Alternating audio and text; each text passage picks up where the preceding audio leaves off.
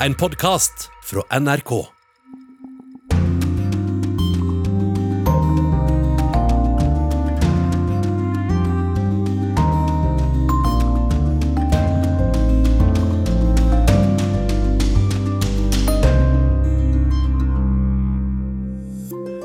Nye angrep i Ukraina i natt. Russland advarer Vesten mot å forsyne Ukraina med våpen. Og ei forhandlingsløsning ser ut til å være lenger unna enn noen gang. Forsterka kritikk mot Tryggingsrådet i FN. Nok en gang skylda for å være handlingslamma. Krigen i Ukraina må presse fram et grønt skifte. Det sier professor fra Yale-universitetet i USA. Og om bare to uker kan Nato ha to søknader om medlemskap på bordet, fra Sverige og Finland. Dette er Urix på lørdag, der vi også skal høre om lokalvalget i Storbritannia, og åpne korrespondentbrev fra Roger Severin Bruland. Vi starter eh, i eh, Ukraina, eller rettere sagt i Moskva, men stikkord er Ukraina. For den russiske utenriksministeren Sergej Lavrov advarer vestlige land mot å forsyne Ukraina med våpen og ammunisjon dersom de ønsker en slutt på krigen. Han sier dette i et intervju med det kinesiske nyhetsbyrået Xinhua. Moskva-korrespondent Jan Espen Kruse, hva ligger det i denne advaringa? Ja, Det kan være frustrasjon fra russisk side over den eh, ganske sterke motstanden som de russiske styrkene møter i uh, Ukraina. Og så kan det være at man fra russisk side innser at denne, denne, krigen kommer til å vare mye lenger enn det man hadde planlagt til å begynne med. og så er det mulig at dette er en advarsel fra russisk side om at russerne vil satse mer på å angripe disse våpenforsendelsene inne i eh, Ukraina når de har kommet over grensa fra f.eks. Eh, Polen, ved at eh, russerne vil angripe, angripe jernbanelinjer, jernbanestasjoner og også selve disse transportene. Han sier også at det Russland kaller en militær spesialoperasjon, går helt etter planen i Ukraina. Stemmer det? Ja, dette har russiske myndigheter sagt hele veien. De sa det til og med da de russiske styrkene måtte trekke seg ut fra området rundt den ukrainske hovedstaden Kiev, da de rett og slett ikke klarte å ta hovedstaden. Ehm, og, og, Før krigen begynte, så ehm, kontrollerte jo de russiskstøttede opprørerne eh, litt under halvparten av disse to fylkene som ligger i den østlige delen av Ukraina, i dette området som heter Donbass. Og, og Nå er man altså i gang med den tredje måneden av krigen, og fortsatt har ikke eh, russiske styrker tatt full kontroll over disse to fylkene engang. Eh, det er jo ikke kjempestore områder det er snakk om. Så når, når russerne påstår at alt går etter planen, så, eh, så er nok det ikke helt korrekt. En talsperson for det amerikanske forsvarsdepartementet sier at den russiske invasjonen av Ukraina er brutalitet av den kaldeste og mest forderva sorten. Hvordan reagerer russiske styresmakter eh, på det? Ja, Russiske myndigheter reagerer ganske sterkt på det. Den eh, russiske ambassadøren i Washington han sier at dette er fornærmende og uakseptable uttalelser. Og han er forbauset over hvor provoserende det er. Og så blir også Putin, president Putin direkte kritisert fra amerikansk side, og det misliker også russerne sterkt. Takk skal du ha, Jan Espen eh, Kruse. Eirik Veum og Lokman Gorbani er NRKs eh, team i eh, Ukraina nå. De har reist fra hovedstaden Kiev til byen Dnipro, som ligger et godt stykke i retning sørøst fra hovedstaden, og er dermed også en god del nærere frontlinja mellom de ukrainske og russiske styrkene. I, i byen Kharkiv så har det vært flere russiske luftangrep i natt. En person er drept drepen og fem såra, ifølge den regionale militæradministrasjonen. Og Erik Veum, hvordan er situasjonen i Kharkiv, der det altså har vært flere angrep denne natta? Ja, dette er en by som uh, russerne delvis uh, hadde kontroll over, altså okkupert. Men hvor uh, nå ukrainske styrker har greid å presse dem ut igjen gjennom en bakkeoffensiv de har hatt. Og da har russerne da igjen svart med disse luftangrepene, som da har ført til både eller én drept da, og flere sårede. Så nå gjenstår det da å se om dette er, er et forvarsel på en, en ny bakkeoffensiv fra russisk side, da, i et forsøk på å ta byen tilbake igjen. Vi har tenkt å dra inn der i morgen, så får vi se og vurdere om sikkerhetssituasjonen er sånn at det er, det er forsvarlig å gjøre. Eh, du og Lokman Godbani har vært innom flere byer som russerne har okkupert. Hvordan er reaksjonene der blant uh, ukrainere som bor i disse byene? Vi var jo i en landsby i går hvor man da altså lette gjennom et hus som russiske stridsvogner hadde skutt i brann når de da var der for noen uker siden. og under sengen inne på et soverom så fant man da levningene, altså et lik, som da redningsmannskapene sa, hadde åpenbart gjemt seg der idet stridsvognene gikk forbi. Dette var jo et eldre menneske. Men allikevel altså, hadde, hadde, russerne valgt å avfyre skudd, drepe dette mennesket. Og det vi også så ute i hagen til dette huset, var emballasje etter stridsrasjoner. Så etter at de da hadde skutt huset i brann og drept et menneske, så tok de russiske soldatene en matpause. Og det reagerer man selvfølgelig veldig på her, fordi disse målene har ingen militær verdi. Så um, Ukrainerne er ekstremt opprørte over hvordan russiske styrker har gått frem under, uh, under krigen uh, de har, uh, har, kjørt her i Ukraina. Ja, nå har det altså vært i krig i ni uker. Og til slutt, VM, hvordan er stemninga blant folk flest? Først og fremst så er de, merker vi, veldig motiverte for å kjempe imot. Eh, dette er noe de ønsker. De ønsker virkelig å slåss mot eh, de russiske angriperne. Samtidig så får de med seg det som har skjedd i områder som russerne har okkupert. De har hørt historiene om drap, tortur, vold, seksuelle overgrep. Og eh, det er selvfølgelig en frykt for hva som vil skje, f.eks. her i Dnipro hvor vi er, hvis russiske styrker skulle okkupere også denne byen. Takk skal du ha, Eirik Veum i Dnipro.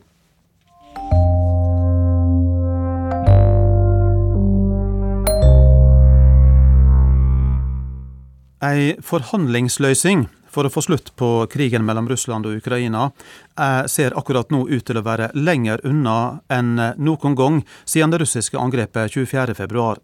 Russland holder fram med å angripe inn i Ukraina, som vi hører, mens ukrainerne setter sin lit til nye leveranser av våpen, bl.a. fra USA og Polen. Denne veka var det FNs generalsekretær, portugiseren Antonio Guterres, som gjorde et forsøk på å få til fred men han fikk merke på kroppen at det akkurat nå er nær en utopi.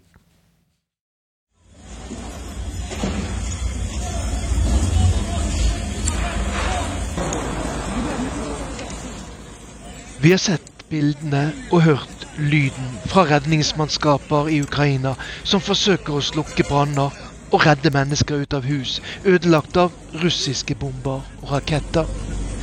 Vi har knapt sett at russiske kryssraketter har vært rettet mot mål så sentralt i Kyiv i den nå mer enn to måneder lange krigen.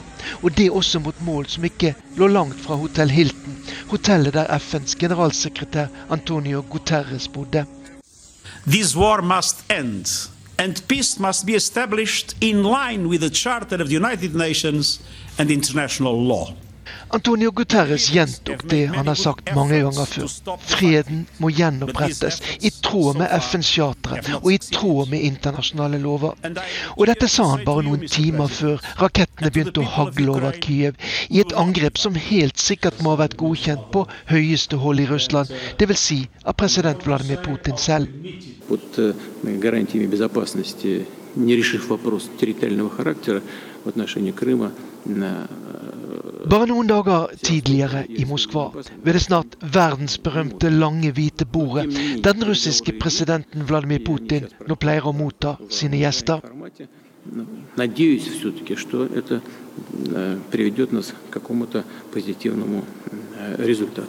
Forhandlingene med Ukraina fortsetter online, sa Putin til Antonio Guterres, men understrekte samtidig at verken Krim eller statusen til det som Russland nå mener er selvstendige land, Luhansk og Donetsk fylker i Ukraina, det er det ingenting å forhandle om.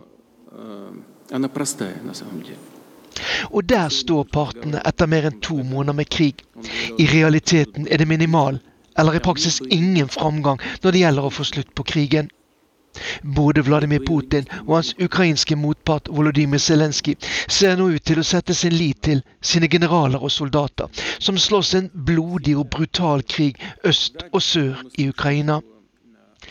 De russiske styrkene har presset ukrainerne fra nordøst, og står nå like utenfor den strategisk viktige byen og ukrainernes viktigste støttepunkt i Luhansk fylke, Severodonetsk. I sør har de russiske styrkene økt presset i retning av storbyen Zaporizjzja, der NRK i slutten av mars møtte en av sjefene for selvforsvarsstyrkene. Mihailo Pirog var den gangen full av pågangsmot, selv om han var bekymret for sine kamerater, som fremdeles holdt ut i den omringede byen Mariupol lengre øst. Нам необходимо делать свое дело, нам нужно консолидировать усилия всего цивилизованного мира. Det viktigste for oss er at vi må få konsolidert kreftene fra hele den siviliserte verden, sa Mihailo Pirog til NRK. En skjegget mann med briller, som like gjerne kunne vært lærer på det lokale universitetet. Men som nå altså koordinerer forsvarskampen mot de framrykkende russiske styrkene her sørøst i Ukraina. Hvis vi ikke klarer å stoppe det russiske angrepet, ja, så står Polen, Finland og kanskje Norge for tur, sa han den gangen. Og siden da er Zaporizjzja blitt angrepet flere ganger, og de russiske styrkene nærmer seg langsomt byen med nesten 800 000 innbyggere. I just uh, signed a request to Congress for critical security, economic, and humanitarian assistance uh, to help uh, Ukraine continue to counter Putin's aggression. Torsdag denne uken kunngjorde USAs president Joe Biden at han ber Kongressen om en ny, gigantisk støttepakke til Ukraina. Hvorav 188 milliarder norske kroner skal være direkte militær assistanse. Og I denne pakken skal det også kunne være tunge våpen som artilleri og stridsvogner, og ikke minst avanserte rakettvåpen. Dette vil kunne gi Mihailo Pirog og hans soldater sørøst i Zaporizjzja helt andre muligheter til ikke bare å stå imot de russiske styrkene, men også til å sette i gang motangrep som på sikt kan tvinge russerne tilbake i retning av selve Russland.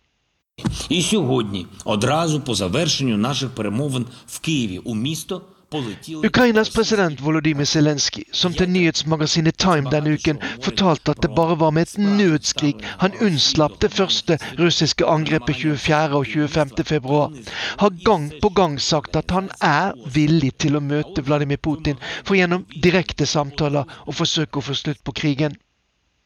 Hendelsene denne uken gir ikke store forhåpninger om at det kommer til å skje med det aller første.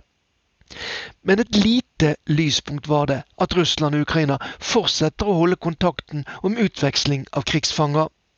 På torsdag kom meldingen om at 45 ukrainere, blant dem 13 offiserer og 20 soldater, som var tatt til fange av de russiske styrkene, nå var kommet hjem. Hvor mange russere som har gått andre veien, vet vi ikke.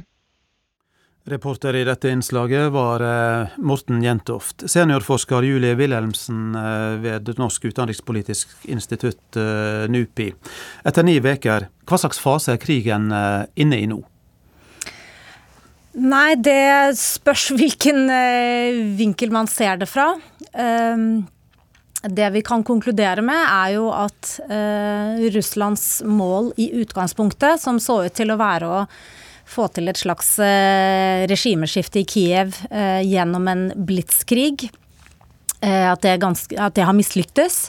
Og så har vi de siste ukene, det har i hvert fall blitt sagt fra russisk side, at man går tilbake man sier ikke man går tilbake, men at det opprinnelige målet var å frigjøre Øst-Ukraina, og det er det man skal gjøre. Men eh, selv må jeg si at jeg syns den siste ukes hendelser eh, ser ut som om vi potensielt står overfor en eskalering av krigen fra å være Russlands krig mot Ukraina til eh, potensielt å kunne bli en krig der eh, Russland kjemper mot eh, Vesten, USA, Nato. og dette sier jeg først og fremst på, på grunnlag av hvordan representanter på russisk side eh, egentlig flere ulike aktører, eh, har uttalt seg om konflikten, nemlig som en stedfortrederkonflikt, slik vi hørte det ble referert til Lavrov.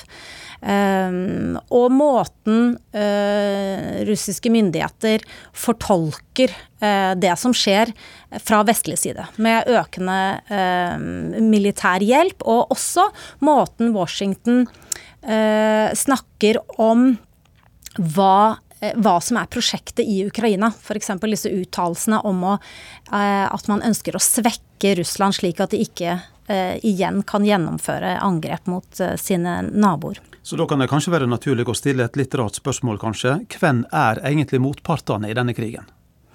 Nei, det er det som ligger i, i, i det første svaret mitt. At uh, det er litt sånn at når en aktør er i krig, sånn som Russland er nå, så er det de som definerer eh, hvem som er motparten. Og denne retorikken som eh, Kreml har hatt, eh, f.eks. like før eh, invasjonen, om at det er en krig for å denazifisere Ukraina og kjempe mot nazistene i, i Ukraina, den uttales eh, nå som noe eh, litt annet, nemlig at det er en krig mot Vesten og Nato. Og det er jo en snedig måte også på en måte å skjule det nederlaget om at man ikke fikk til eh, det første. Og, og, si at, at, dette egentlig dreier seg om å motstå Vesten og Nato. Og så kan du jo si at, at dette skiftet skjer jo også fra, fra, vestlig side, når man har vært veldig påpasselig i utgangspunktet med å si at dette er en krig for å beskytte, eh, støtte eh, Ukraina og ikke noe mer. Til å både snakke og handle som om dette kan være eh, en eh, kamp man går inn i for å svekke Russland og den russiske staten, som jo er noe ganske annet. Øker risikoen for at Russland vil reagere mot land som, eh, som leverer våpen, og varsler at det vil bli høyt prioritert? Eh, ja, eh, det gjør jo eh, det. Men jeg tror nok i første rekke så er det vi skal holde øynene på, at Russland virkelig har eh, mislyktes ganske Eh, ganske heftig på bakken i, i, Ukraina, og at de vil se på muligheter for å skaffe seg nye ressurser eh, eh, i, i, Ukraina. Eh, og da har dette spørsmålet vært oppe om, om, om man vil kunne eh, omdefinere krigen fra en militær operasjon, som man har insistert på å kalle det til nå, til en reell krig og utløse f.eks. En, en massemobilisering eh, i Russland for å bedre eh, eh, situasjonen på bakken, men også kunne ta i bruk f.eks. flystyrker på en, på en, annen måte. Og det er klart da, da eh, eh, vil jo det f.eks. å ramme Eh, våpentransport eh, inn i Ukraina. Denne kjempepakken vi hørte om, den skal jo leveres fra USA inn, eh, inn i Ukraina. Og da, og da, kan det tenkes at, at Russland forsøker å ramme, ramme denne transporten. Så, så, det åpner seg på en måte større, eh, vanskeligere scenarioer her. Og så kan man spørre seg hvordan, hva skal så eh, USA og Vesten gjøre Eh, som motsvar til det. Hvordan blir det mulig å holde tilbake og begrense denne krigen? Disse spørsmålene får vi nok da svar på i dagene og ukene som kommer. Takk for at du kom eh, i studio, Julie Wilhelmsen.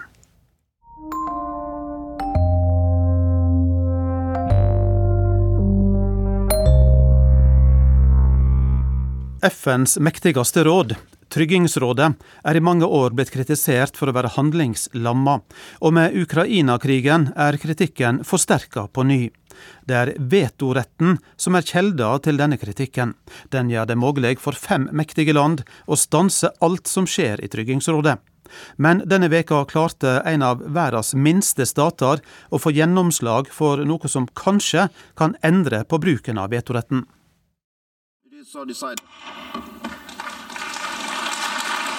Det ble banka gjennom denne veka, et vedtak som miniputtstaten Liechtenstein har jobba for i flere år. De og mange andre medlemsland i FN har vært frustrerte over at FN er handlingslamma i møte med grufulle konflikter. fordi stormakter i Tryggingsrådet bruker vetoretten sin for å verne om egne interesser. For mange ble konflikten i Syria symbolet på at verdens mektigste råd kan være ganske så maktesløse når det virkelig gjelder. Utenfor Damaskus har regjeringsstyrkene satt inn tungt skyts for å drive opprørere ut av bydeler de har kontroll over. Imens, på jordens bakside i New York, sitter et frustrert sikkerhetsråd. How long do Syrian families have to live in fear that their children will be killed or tortured before the Security Council will pass? Det sa daværende utenriksminister i Storbritannia William Haig under en debatt i rådet om Syria. Til tider har de fem vetolandene vært så uenige at Tryggingsrådets arbeid framstår som meningsløst. Det var også attesten som tidligere FN-sjef Kofi Annan ga da han sa opp jobben sin som spesialutsending til Syria i 2012. At a time when we need, when the Syrian people desperately need action, there continues to be finger pointing and name calling in the Security Council. Og nå skjer det igjen. Russland stanser det meste Vesten foreslår av tiltak rundt Ukraina-krigen, og vice versa. Da Ukrainas president talte til rådet for en måned siden, var beskjeden klar. Hvor er tryggheten som Tryggingsrådet skal garantere? Det er helt tydelig at organet som skal stanse aggressive makter, ikke fungerer, sa presidenten til rådsmedlemmene. Om dette holder fram, blir vi nøyde til å sette vår lit til de landene med mest våpen, og FN kan enkelt og greit bare opphøyre og eksistere, konkluderte Zelenskyj. Men vedtaket denne veka var et forsøk på å komme kritikken i møte. FNs generalforsamling, altså FNs største organ der alle FN-land deltar, fatta et vedtak som legger opp til at vetomaktene skal grunngi all bruk av vetoretten. Men siden generalforsamlinga ikke kan fatte bindende vedtak, så kan likevel stormaktene droppe å gi slike forklaringer. Men uh, uansett om de uh, velger å forklare seg eller velger å la være, så vil det jo ha en uh, viktig symboleffekt at en vetomakt må stå til ansvar for sin beslutning om å stanse en resolusjon i FNs sikkerhetsråd. Det sier Tove Gravdal, journalist og forfatter av boka 'Til bords med de mektige', som handler om nettopp Tryggingsrådet. Den omstridte vetoretten så først dagens lys i 1946. De sammeinte nasjoner oppsto i kjølvannet av andre verdenskrig. Forløperen Folkeforbundet hadde feila totalt, bl.a. fordi stormaktene ikke forplikta seg nok. Vetoretten skulle garantere stormaktene nok kontroll til å kunne stole på at FN var en plattform der konfliktløsning var mulig. Men nå er det 77 år siden FN-pakta ble signert, og verden har endret seg mye. Mange mener land som India, Brasil og Sør-Afrika burde få bytte plass med de tidligere kolonimaktene Storbritannia og Frankrike. Men slike endringer må alle vetomaktene stemme ja til, og dermed så skjer det ikke. Derfor må en se på andre løsninger som kanskje kan gjøre Tryggingsrådet litt mer handlekraftig i møte med dagens konflikter. Denne ukas vedtak om å grunngi all vetobruk har vært ett forslag. Det pågår også debatt om et annet forslag. Det um, er lagt frem av Frankrike og Mexico sammen, som har foreslått at vetomaktene skal opphøre når Sikkerhetsrådet behandler saker som har med massemord å gjøre. De har fått tilslutning av over 100 land i generalforsamlingen. Det blir interessant å se om det også kan bli en ny ordning som endrer litt arbeidsmåten i Sikkerhetsrådet. Den ferske regelen om å grunngi all bruk av veto ble vedtatt uten at noen sa imot, men Russland var skeptiske og Gravdal peker på at det ferske vedtaket også kan skade arbeidet i Tryggingsrådet. Historisk har også rådets medlemmer latt være å legge frem resolusjoner som de har visst ikke hadde noen sjanse til å bli vedtatt. Det vi kan komme til å se nå med denne nye ordningen, det er at eh, rådets medlemmer legger frem til avstemming resolusjoner som de vet noen kommer til å nedlegge veto mot slik at vi får mer markeringspolitikk i Sikkerhetsrådet, og mindre av det tunge, ofte langdryge arbeidet med å oppnå enighet mellom rådets medlemmer om en resolusjonstekst som alle kan stå inne for. Det gjenstår å se om Tryggingsrådet kan bygge opp igjen tilliten igjen. Neste uke får de besøk fra FN-sjefen Antonio Guterres, som kommer med helt ferske inntrykk fra sin reise til Russland og Ukraina denne veka. Og under denne reisa så kunne heller ikke han unngå å sette ord på problemer i FNs mektigste råd. Let me be very clear. The Security Council failed to do everything in its power to prevent and end this war. And this is a source of great disappointment, frustration and anger. Reporter her var Vegard Kjørhom. Denne veka kutta Russland gassleveransene til flere europeiske land. Krigen i Ukraina hadde ikke vært mulig for Russland å starte dersom Europa hadde satsa på fornybar energi i stedet for russisk gass etter Sovjetunionens fall. Det mener den kjente Jail-professoren Timothy Snyder. Han mener krigen må presse fram et grønt skifte. This kind of conflict is one more reason to make a transition away from dependency on fossil fuels. Because this conflict, in a way, previews what global climate conflict looks like. This war will, if it keeps going on, will lead to famine in much of the global south. Denne krigen gir oss nok en grunn til å slutte å være så avhengig av olje og gass. Den er en slags forsmak på framtidas kriger om naturressurser. Og fortsetter den, vil den lede til store sultkatastrofer i verden. Analysen til mannen som sitter foran meg, er dyster. Men den virker fornuftig. Mye av det Tim Snyder sier, gjør det. Jeg har kommet til Yale, det kjente universitetet i Connecticut, for å få en historietime. Vi kan alle ha bruk for en slik i denne dramatiske tida. Men den kjente Ukraina-eksperten og historikeren som sitter foran meg, vil ikke bare snakke om Ukrainas og Russlands historie og krigsanalyse. Han vil også snakke om klimapolitikk. Han mener det ikke hadde vært noen krig i Ukraina dersom Europa og USA hadde kommet lenger i det grønne skiftet. You know, hydrocarbons for the kind of problem that they are. And why am I saying all this? I'm saying all this because whatever else we say about the Putin regime, it's based upon control of hydrocarbons. That's what it's based upon. And if it weren't for that, they wouldn't be able to fight this war. Putins regime er basert på olje og gass. De får alle sine inntekter fra olje og gass. Uten disse inntektene hadde det ikke vært mulig å starte denne krigen, sier Snyder. Tim Snyder har brukt hele sin akademiske karriere til å skrive om og studere autoritære regimer. Han har vært spesielt opptatt av Ukrainas skjebne, og advarte mot krigen Europa opplever nå, allerede etter at Russland annekterte Krim i 2014. I boka Veien til ufrihet gir han en grundig analyse av Ukraina og Putins Russland. He doesn't care about Russians dying. He doesn't care about the Russian economy. Um, he only he, he cares about a sense of mission, and he's only going to think that his mission is threatened when he is threatened. Mange av de dystre spådommene hans har vist seg å stemme. Og han tror ikke Putin kommer til å gi seg før han virkelig har tapt krigen. The Ukrainians need a future. They need a future. You know, we, everyone thinks about Når det skjer, må Europa og USA bistå i en storstilt gjenoppbygging av Ukraina litt slik den amerikanske Marshall-hjelpen bygget opp Europa etter andre verdenskrig. Lønningene i Ukraina er lave, og gjenoppbyggingen vil ikke bli så kostbar, mener Snyder. Den må imidlertid bli grønn. For det er en annen ting vi også må gjøre fremover, mener historikeren. Over,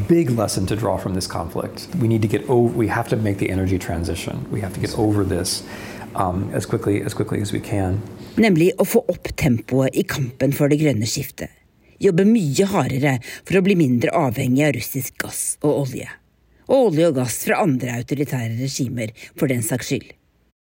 Denne uka kuttet Russland gassleveransene til Polen og Bulgaria. Sistnevnte kjøper mer enn 90% av sin gass fra Russland.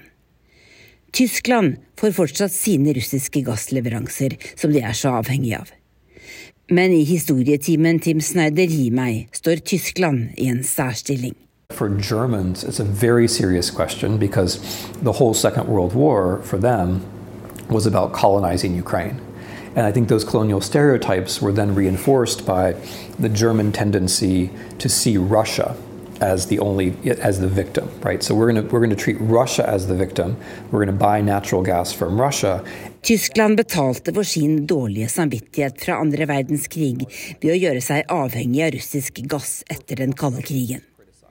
Samtidig var tyskerne altfor lite opptatt av Ukraina, mener Snyder. Egentlig burde Tyskland og resten av EU og USA ha tenkt helt annerledes etter Sovjetunionens fall i 1991. In the 1980s, we already knew about global warming. I mean, that was already a scientific consensus in the 1980s. And, and so when I look back at that period, I think, well, another thing we got wrong was we, we kind of let global warming float. We kind of just let it go. And, um, and we, didn't, you know, we didn't assess hydrocarbons for the kind of problem that they are. Vi visste om global oppvarming allerede på 1980-tallet. Ekspertene var enige om at det ville bli et problem. Men da kommunismen falt i 1989, satset vi på kapitalismen. Og dermed glemte vi global oppvarming. En klimapolitikk får du bare dersom myndighetene er involvert. Og det må vi lære av nå, mener historiker Tim Snyder. Og det var USA-korrespondent Tove Bjørgaas som hadde møtt han. Om to veker kan det dumpe ned to søknader om medlemskap i Nato sin postkasse. I starten av denne veka ble det klart at Sverige og Finland kan komme til å søke samtidig. I går møttes den finske og den svenske utenriksministeren i Helsingfors for å diskutere Nato-medlemskap. Finland and Sweden have been in close contact during the whole crisis, and we will continue to discuss and keep each others informed. Sweden is our most important bilateral partner. Sverige er vår viktigste bilaterale partner, understreket den finske utenriksministeren på gårsdagens pressekonferanse. På scenen prydet det finske, svenske og EU-flagget bakgrunnen.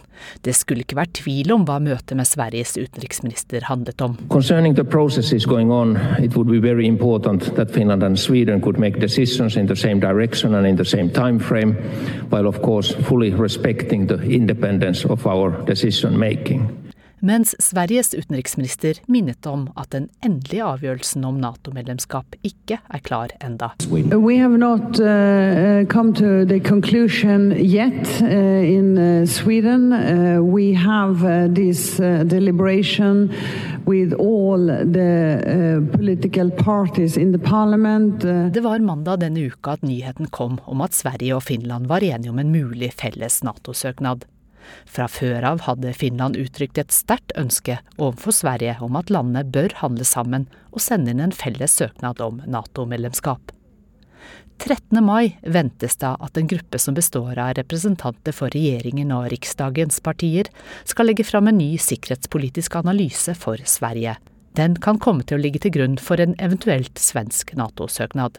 Venstrepartiet i Sverige kom raskt på banen med et krav om folkeavstemning om Nato-medlemskap. Her er deres leder, Norsi Dagostar. Det her måste skje med mycket bred folkelig forankring. Det her er en svensk tradisjon som vi har hatt i over 200 år, som har holdt oss utenfor krig. Det er en mye, mye stor fråga. Ingen andre partier i Sverige har så langt tatt til orde for en folkeavstemning, og regjeringen avviser kravet.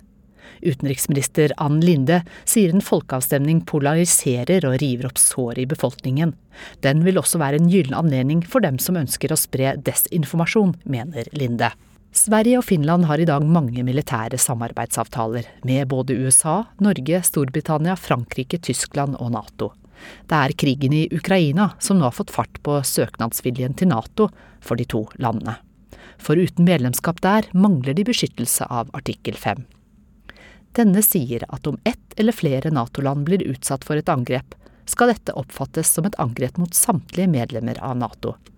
Det betyr i så fall at andre medlemsland plikter å bistå de som er angrepet. Natos generalsekretær Jens Stoltenberg sa torsdag at prosessen med å få Sverige og Finland inn i Nato kan gå raskt, og at alliansen vil finne en måte å ivareta deres sikkerhet på mens søknadsprosessen pågår. I'm also certain that we will be able to find arrangements for that interim period between uh, Finland and Sweden applies and until the formal ratification is finalized in all 30 uh, parliaments. So I'm confident that uh, there are ways to bridge uh, that interim period in a way which is uh, um, uh, good enough and works for both Finland and, and Sweden. Innen midten av mai skal Finland og Sverige være enige om mulig Nato-søknad. Reporter var Anja Strønen. Kollega Morten Jentoft, du følger svensk og finsk politikk tett og var nylig i Helsingfors. Hvordan vil du karakterisere det som har skjedd i de to nabolandene våre siden krigen i Ukraina starta? Det er jo ei veldig endring i holdninga til Nato-medlemskap på, på svært kort tid? Ja, det er jo dramatisk. Eh, meningsmålinger viser jo at eh, både i Sverige og ikke minst i Finland er det nå et flertall i befolkningen som sier ja til Nato-medlemskap. I Sverige mm, ligger meningsmålingene på mellom 50 og 55-60% I Finland mellom 60 og 70 eh, Og mm, En oversikt som eh, avisen Helsingin Sanomat har gjort i dag, viser at 119 19 av de 200 representantene i den finske riksdagen nå sier ja til, eh, til Nato-medlemskap. Bare 11 har klart sagt at de er mot. Og interessant nok og viktig i denne sammenhengen er jo at sosialdemokratene i begge land, som jo tradisjonelt har stått for nøytralitet, nå er på glid. Og etter alt å dømme også um, i løpet av et par ukers tid vil gi klart beskjed om at de støtter Nato-medlemskap. Og Dermed får vi altså en, den kanskje største sikkerhetspolitiske endringen i eh, Norden siden Norge og Danmark ble med i Nato og Island i 1949. Hva skjer videre nå i Finland, som jo er tettest på Russland? Ja, Finland er jo veldig eh, interessant her. Eh, den finske presidenten Sauli Ninistø sier at han innen 12. mai vil gi beskjed om sitt syn på dette. Eh, det er jo ingen stor hemmelighet. Sauli Ninistø, som tilhører det konservative samlingspartiet, har jo vært en Nato-tilhenger lenge, men har vært veldig nøye på at han ikke vil kjøre fram denne saken hvis det da ikke er støtte i, i befolkningen. Og 14. mai skal etter alt å dømme Sosialdemokratene med statsminister Sanja Marin gi beskjed. Eh, de kommer nok også til å si ja til Nato-medlemskap. Sånn at eh, innen 16.-17. 17. Eh, mai så vil det være helt klart at Finland sier ja da til en Nato-søknad. Og det skjer jo da samtidig som den finske presidenten Sauli Niinistö etter planen da skal reise på statsbesøk til, til Sverige. Så dette virker jo relativt godt organisert og planlagt. da. Kan nasjonalforsamlingene bare vedta å søke om medlemskap uten folkeavstemning? Ja, det kan de gjøre. Eh, og Så er jo spørsmålet da om man da skal, eh, når denne søknaden da er, er sendt, så må den jo da behandles eh, i, i, Nato. Det kommer jo helt sikkert til å gå raskt. Nato og generalsekretær Jens Stoltenberg har jo sagt at både Finland og Sverige oppfyller de aller fleste kravene til Nato-medlemskap. Og så skal jo dette ratifiseres hos medlemslandene i Nato. Og så skal de jo da tilbake til både Sverige og, og Finland. Og sånn som det ser ut nå, da, så er det altså ikke eh, politisk vilje i de som sitter i styrende eh, posisjoner i Sverige og Finland eh, til å, å, å, å, si at dette skal avgjøres ved en folkeavstemning. Så da blir det sannsynligvis vedtatt i, i riksdagene både i Sverige og Finland. Spennende å følge med på. Takk skal du ha, Morten Jentoft. Til Storbritannia nå, og lokalvalget der kommende torsdag. Statsminister Boris Johnson er en løgner, det mener mange velgere. Likevel vel mange av dem å stemme på partiet hans. Valget blir regna for å være en slags folkeavstemning over Boris Johnson etter Partygate, og det konservative regjeringspartiet ligger dårlig an på målingene. Korrespondent Gry Blekastad Almås har tatt turen til en av få bydeler i London som det konservative partiet styrer i dag, men ligger an til å miste. I'm 62 years old. I've never seen a government as bad as this national government.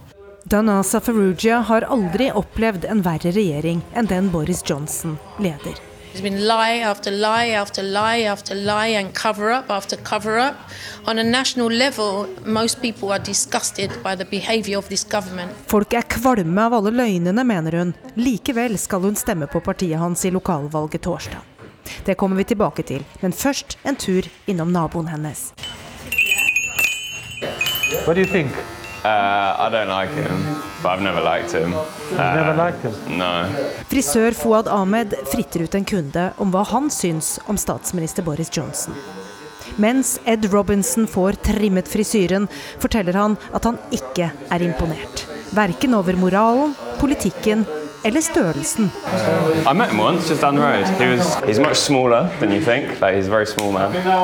But yeah, I don't I think he's like he's always been a liar and a cheat and he still is. Han har alltid vært en løgner og en juksemaker, sier han. Det har Partygate vist. Boris Johnson er bøtelagt for å ha brutt koronareglene på en av mange ulovlige fester i Downing Street. Han får definitivt ikke Ed Robinsons stemme. Men så er det heller ikke Johnson som er på valg. Det er derimot det konservative partiet han leder, og det ser ut til å tape terreng i torsdagens lokalvalg. Our figures show that the Conservatives are set to lose several hundred council seats across the country. Det konservative partiet ligger an til å tape mange hundre kommunestyrerepresentanter over hele landet, sier valganalytiker Marwan Reich.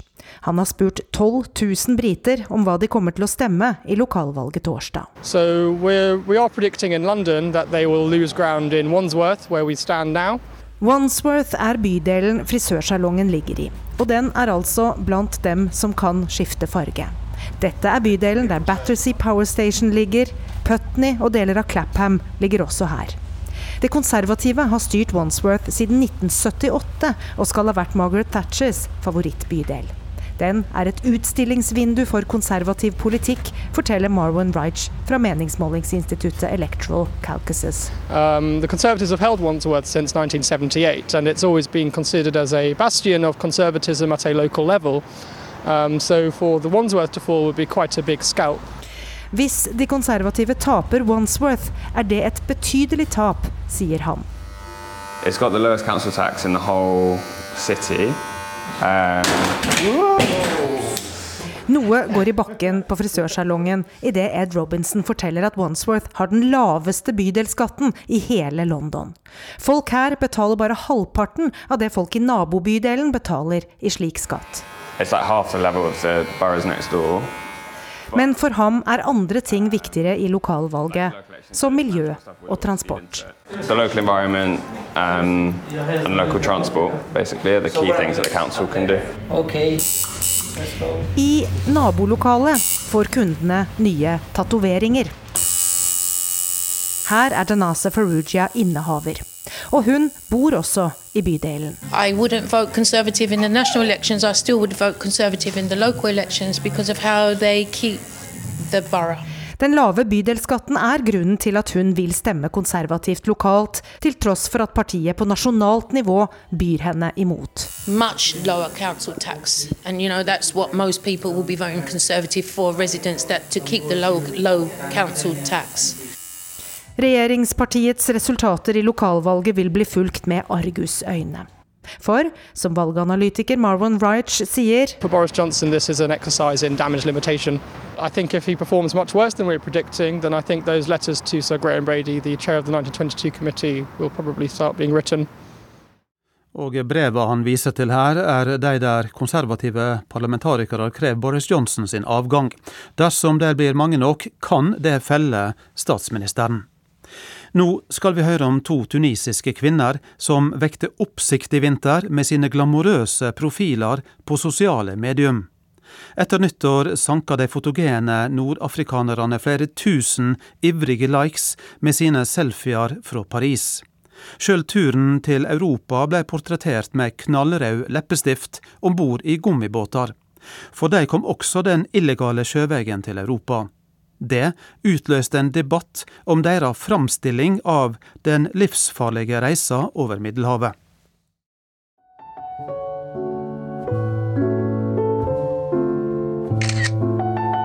Foran Eiffeltårnet i Paris står smellvakre Haima Ben Mahmoud. 21-åringen har det lange, mørkebrune håret utslått. Leppene er knallrøde mot den porselenshvite huden. Hun smiler til sine følgere i sosiale medier, og det tar ikke mange minuttene før hjertene renner inn. Den unge frisøren fra Tunisia poster flere bilder fra den sagnomsuste europeiske storbyen, fra shoppingturer, cruisende rundt i flotte biler. Som hos influensere flest er lite i komposisjonene overlatt til tilfeldighetene. Her kan vi drømme oss bort i skjønnhet og suksess. Hvilket liv som leves bak fasaden, vet vi lite om, selv om hverdagen dokumenteres kontinuerlig og nå også er bekreftet av nyhetsbyrået Associated Press. For Haima Ben Mahmoud delte også sin reise til Paris i sosiale medier. Like stilsikker som i bildene fra den europeiske metropolen, satt hun i solnedgangen sammen med sin forlovede og vinket til kamera. I en gummibåt på vei over Middelhavet, sammen med andre migranter fra Nord-Afrika. Det er bare noen få måneder siden en annen kjent influenser fra Tunisia gjorde det samme. Nå kritiseres de for å forsøke å normalisere den livsfarlige reisen som har kostet over 23 000 mennesker livet siden 2014. What social media does, and especially these videos of uh, youth migrating on boats, is that it demystifies the journey. Det som skjer i sosiale medier, og spesielt med disse videoene av unge migranter i båter, er at det forvrenger inntrykket av reisen og realitetene i Europa, sier Matt Herbert i organisasjonen Globalt initiativ mot transnasjonal organisert kriminalitet, til nyhetsbyrået Ap. Fagfolk ser nå med bekymring på at unge influensere med flere millioner følgere bygger opp om fenomenet som kalles migrasjonsløgnen behovet for å gi et inntrykk der hjemme om at alt har gått bra, om at reisen var verdt det og at livet i Europa er godt, med lett tilgang til visum, arbeid og lønn, selv om virkeligheten ofte er en helt annen. Noe som også bekreftes av nye tall fra Europakommisjonen, som viser at arbeidsløsheten blant migranter i Europa er langt høyere enn for befolkningen for øvrig. Men flere har også uttrykt sin støtte med influenserne, som gir et ansikt til unge tunisiere som fortviler over Europas strenge visumregler i en tid da de ikke ser noen fremtid i Tunisia, der arbeidsløsheten har skutt i været under pandemien. Selv forklarer Haima Ben Mahmoud at hun aldri ønsket å glorifisere noe som helst, men dokumenterer livet sitt fortløpende, et liv hun ikke så noen fremtid for i Tunisia. Jeg har mange venner som har reist og funnet nye muligheter i Europa. De ga meg håp i hjertet om at jeg skulle finne arbeid, at det er penger å tjene, og at det er muligheter her som kan forandre livet mitt, sier hun. Haima kommer fra en middelklassefamilie i kystbyen Sfax i Tunisia og betalte om lag 15 000 kroner for båtreisen over Middelhavet. Hun forteller at hun var livredd da de satt i båten. Jeg så døden med mine egne øyne. Reisen er ikke lett, og jeg oppfordrer ingen til å ta den. Jeg gjorde det av personlige årsaker.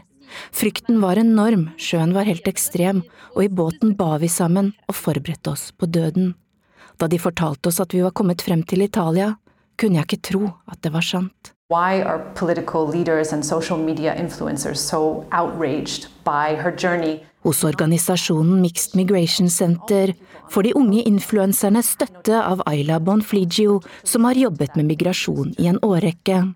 and not the fact that she felt and all of the people on that boat felt that they had no choice but to cross. Jeg forstår ikke hvorfor politikere og andre influensere lar seg hisse opp av deres reise, sier Ayla Bonfligio. Hun mener at det som burde opprøre oss, er at de som gikk om bord i båten, vel vitende om farene, gjorde det fordi de følte at de ikke hadde noe annet valg.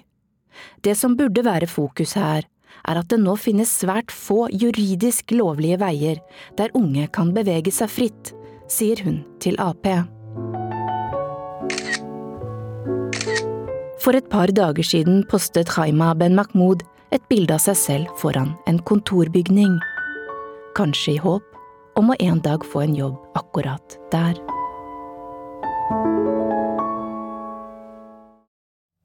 Reporter her var eh, Charlotte Bergløff. Og et bilete det forteller mer enn 1000 ord, heter det jo. Korrespondent Roger Severin Bruland tar en kikk på blinkskuddene som fotografen hans knipsa da de dekka den ungarske valgkampen. Her er korrespondentbrevet. På T-skjorta hans er det et stort bilde av Viktor Orban med teksten 'Lederen av Europa'. Mannen ved siden av ber på et stort krusifiks. Jeg sitter og studerer bildet tatt av fotografen Andras Haidu da vi dekka valget i Ungarn tidligere i april. EUs mest omstridte politiker, Viktor Orban, ble gjenvalgt med god margin. Mange mener han er Vladimir Putins siste venn i Den europeiske unionen. En trojansk hest som bremser opp sanksjoner og våpenleveranser. Ungarn er Førebels eneste EU-land som sier de vil betale for russisk gass i rubler. Men tilbake til dette fotografiet av de to mennene.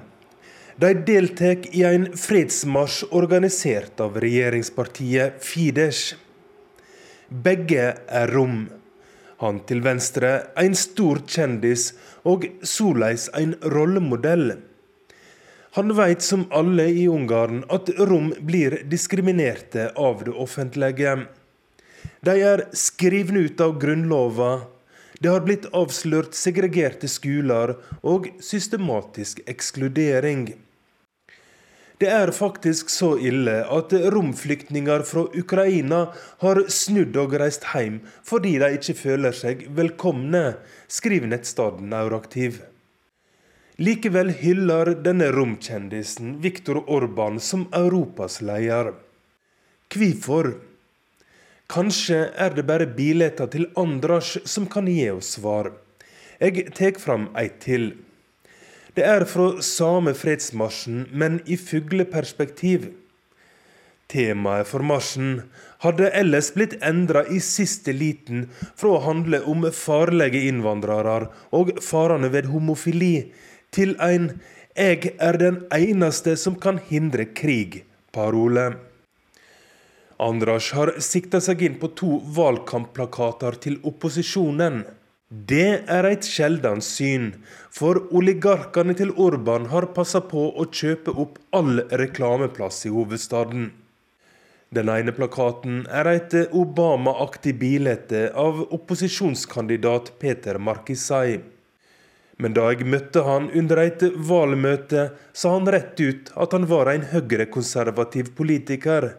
Egentlig det vi i Norge vil kalle en mørkemann. Den andre plakaten henger på et tre. Det er bildet av Vladimir Putin og Viktor Orban.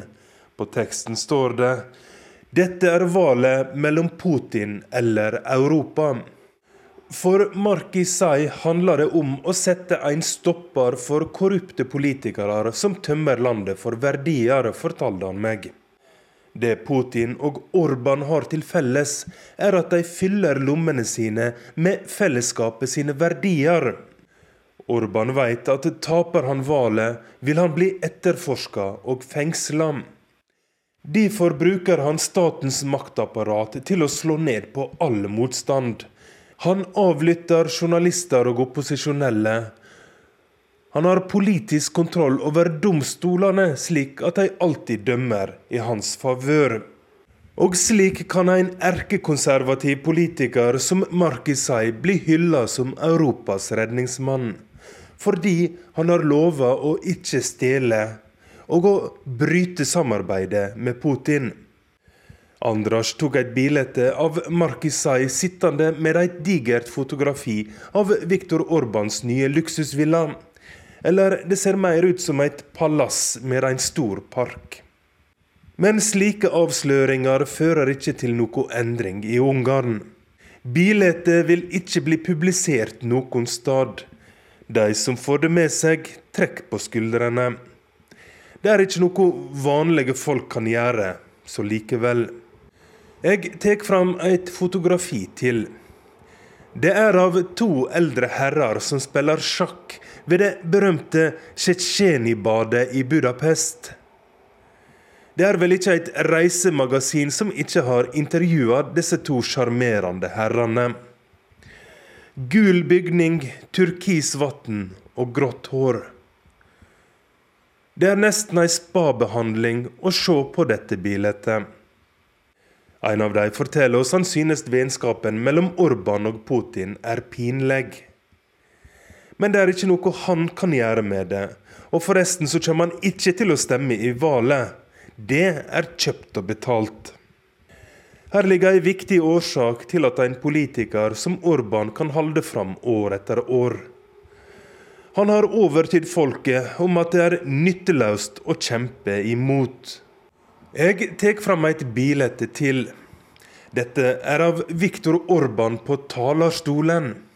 Orban har fått et veldig furete andlet de siste åra.